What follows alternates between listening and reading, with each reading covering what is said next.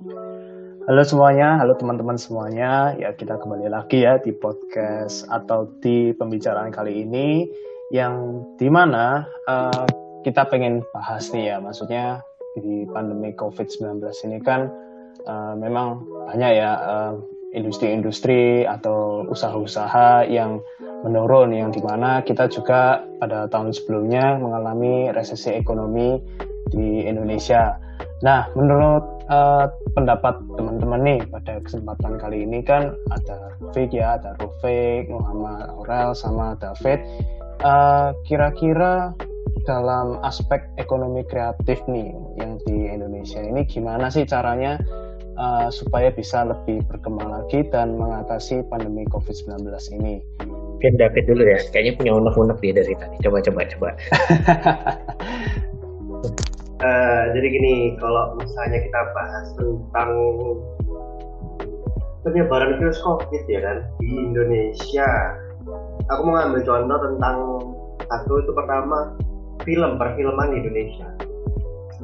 Kalau perfilman Indonesia kan kalau misalnya dulu sebelum ada corona, gitu kan, kita pasti kalau misalnya misalnya nonton film itu harus ke bioskop kan biasa. Ke bioskop dan itu kita kumpul banyak orang kita harus kayak berkumpul tempat buat nonton film itu kan. Nah kalau misalnya sekarang nih kan udah dipermudah contohnya ada Netflix ada Disney Plus ada YouTube mungkin. Nah itu kan emang bisa mempermudah biar penyebaran virus corona ini sudah ber, apa makin berhenti makin kurang gitu tapi uh, tapi ekonomi itu tetap jalan.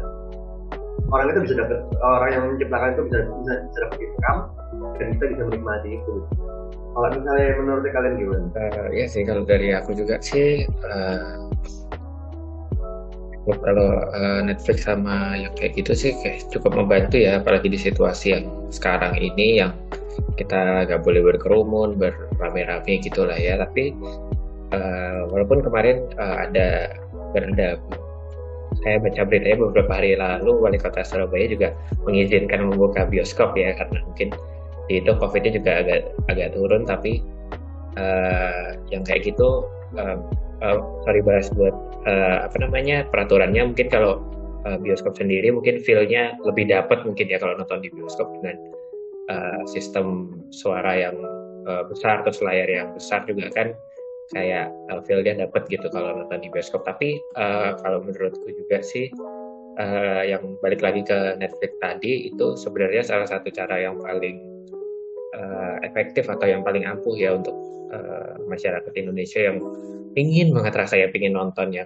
Uh, kan juga beberapa beberapa film-film kan terakhir-terakhir itu juga di uploadnya uh, bukan di upload kayak ditayanginnya itu di uh, Disney Plus di Netflix atau gimana itu juga uh, membantu juga ya dibanding uh, filmnya juga nggak tayang-tayang nunggu coronanya selesai malah nggak selesai-selesai kan tambah nggak nggak dapet duit kan gitu. Tapi ya walaupun memang kayaknya dibilang berkurang pendapatannya kayaknya pasti berkurang. Cuma itu kayaknya sih cukup membantu dibanding tidak dapat apa-apa sama sekali sih menurut aku. Kalau menurut yang lain mungkin? Ya kalau dari aku sendiri ya memang uh, kalau film-film industri film itu um, sudah mulai banyak ya. Apalagi di Disney Plus maksudnya uh, banyak yang film-film Indonesia seperti contohnya Gundala atau The Man Call Ahok gitu kan ya itu kan uh, film-filmnya Indonesia yang di mana uh, motivasi gitu ya maksudnya memotivasi masyarakat yang di mana uh, banyak uh, teman-teman Indonesia juga yang suka lihatnya gitu. Jadi mereka uh, berusahain untuk uh, yang sebelumnya mungkin bioskop yang ada filmnya sekarang ke Disney atau Netflix yang di mana mereka bisa uh, putar ulang lagi sehingga uh, dapat feelnya gitu loh. Kan lebih asik seperti itu. Ya gitu. Apalagi sekarang karena pandemi kayak gini kan Netflix di mana-mana banyak yang jual apa-apa gampang lah aksesnya kan meskipun sebelumnya Netflix sempat diblokir kan di Indonesia waktu itu tapi sekarang untuk IndiHome doang sih itu. Tapi sekarang kan dah disupport lah sama Indonesia. Meskipun kena pajak kan katanya Netflix di Indonesia itu. Mungkin karena emang pemerintah yang mendukung adanya ini kan. Soalnya kalau misalnya emang Netflix ini kan salah satu uh, terobosan baru yang emang orang bisa lihat film melalui platform uh, internet ini kan nah kalau misalnya emang itu diblokir ya kan apa apa orang Indonesia itu bisa memenuhi keinginannya buat nonton film gitu kan? Ada kan? Contohnya kalau misalnya emang ada pasti kan itu website-website yang kayak contohnya aja apa website yang bajakan contohnya itu layar kaca gitu kan? Itu kan malah merugikan buat uh, developer filmnya gitu kan. tapi kalau di Netflix meski mereka ada kerjasama jadi kayak satu pihak yang bikin ini sama Netflix ini mereka kerjasama dan dan income-nya itu ada gitu loh nggak nggak kalau misalnya ilegal kan mereka cuma uh, ngerekam dari film tersebut itu di-upload di website ya, tanpa ada izin atau tanpa ada apa pun gitu kan. Nah kalau misalnya di Netflix ini mereka meskipun sistemnya online begini tapi mereka tuh ada kerjasama jadi ada income yang masuk ke developer ini jadi kayak masih berbentuk perputaran ekonomi gitu. Menurut kayak gitu.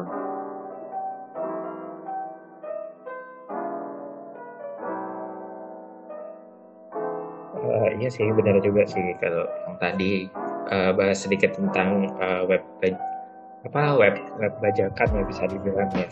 Uh, kan kalau uh, web bajakan itu juga kita ngomong lebih luas lagi ya. Kita uh, ngomongin tentang juga uh, ada yang drama Korea ada yang uh, apa namanya uh, anime Jepang. Nah itu kadang-kadang uh, web bajakan itu kadang-kadang uh, kita ngomong beberapa tahun yang lalu itu uh, sangat susah gitu ya dicari sumbernya yang mana yang uh, yang mana yang uh, gimana ya dibilangnya yang original lah bisa dibilang. Kalau sekarang kan anime Jepang udah ada uh, di iFlix di Netflix. Walaupun kita bisa bilang itu dia update-nya bisa seminggu setelah episode yang ini hasilnya keluar gitu. Tapi uh, kalau uh, masalah anime tuh orang-orang masih pilih yang bajakan. Mungkin uh, untuk apa pemerintah juga untuk bisa meng, meng, meng, menggenjot si apa sih namanya kayak Netflix sama ini untuk bisa juga bersaing gitu loh. Jadi kita kan punya apa namanya uh, daya saing juga gitu biar uh, mereka membatasi yang bajakan, tapi mereka tidak memberikan solusi yang bisa menggantikan gitu loh. Jadi sih kalau aku sih kayak gitu. Tapi menurutku gini sih, kalau misalnya Netflix itu kan dia official ya kan. Nah, per episodenya itu menurutku harus ada, harus ada pertama legalisasi dulu kan legalisasi terus ada ada konfirmasi dulu dari pihak Netflix kalau emang itu tolak atau diterima gitu kan. Itu pasti ya gitu. Mau nggak mau. Nah kalau misalnya di di website legal itu kan ya ya ya udah itu adanya tinggal dimasukin gitu kan jadi mereka nggak perlu ada sistem dulu yang berlaku habis itu langsung uh, langsung diupload itu nggak bisa. Harus ada ada dulu ada prosesnya gitu. Makanya mungkin lebih lama kan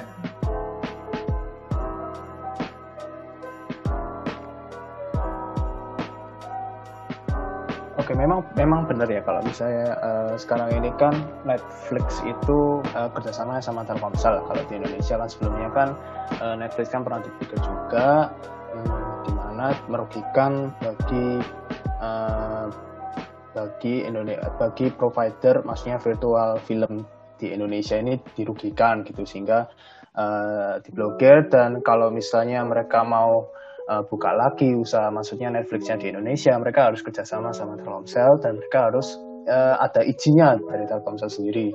Jadi seumpama mereka mau uh, misalnya mau publikasi film atau apa mereka Telkomsel juga pasti tahu. Jadi under Telkomsel company. Setahu sih kayak gitu. Dan ya memang ya maksudnya uh, kalau di dunia film ini kan banyak untungnya gitu kayak apalagi film-film uh, ini kan di Indonesia banyak yang bagus banyak yang uh, orang-orang suka jadi semakin booming kayak gitu. Nah seumpama nih kalau misalnya kan uh, kita kan sudah bahas film-film ya kan uh, dari film misalnya temen Call Ahok atau film-film di Indonesia. Nah ini kan ada juga ya maksudnya uh, suatu platform di mana uh, online shopping ya apalagi di Indonesia ini kan mulai dulu-dulunya tahun 2000 berapa ya 18 ya kalau nggak salah 2018 atau nggak 2019 itu kan ada namanya Tokopedia. Nah itu menurut kalian itu gimana sih maksudnya dalam perannya Tokopedia atau mungkin online shopping dalam meningkatkan ekonomi kita di Indonesia dan mencegah uh, eh, COVID-19 ini?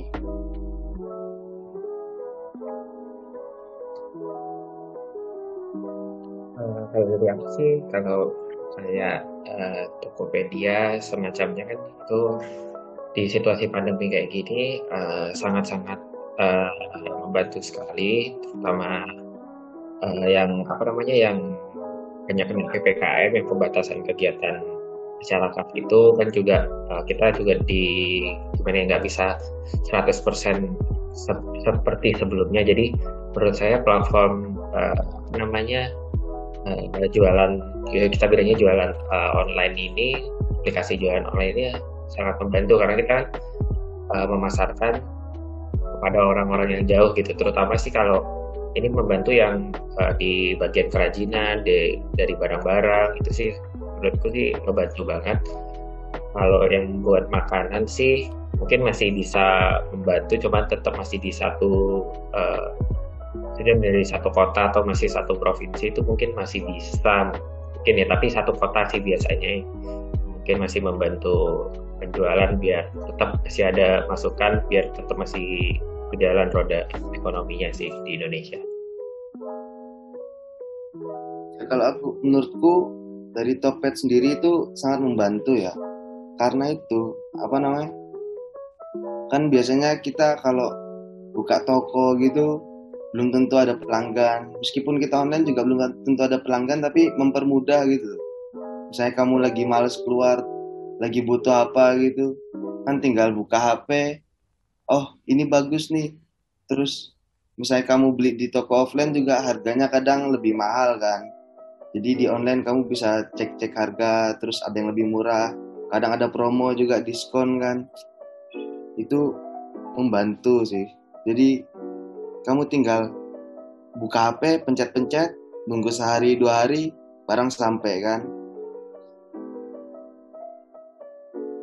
Iya, memang uh, enak ya, kalau sekarang itu uh, uh, sudah ada Tokopedia, sudah ada platform-platform yang lain sehingga kita bisa uh, misalnya dari toko-toko di di kota lain atau kota Jakarta atau kota Yogyakarta sehingga mereka juga uh, terpenuhi gitu kan ya bisnisnya mereka bisa tetap berjalan dengan baik. Nah, memang betul ya, enak memang ya kalau sekarang ini. Dan lagian kalau sekarang ini kan misalnya eh, toko-toko kecil ya, kan itu pelanggannya kan nggak mau, maksudnya untuk eh, keluar-keluar, maksudnya jarang keluar-keluar cari barang itu jarang banget karena mereka uh, merasa ya mungkin ada beberapa orang-orang uh, yang um, takut COVID, takut kena COVID kalau berkerumunan dan lain sebagainya, sehingga mereka memilih untuk uh, memakai Tokopedia.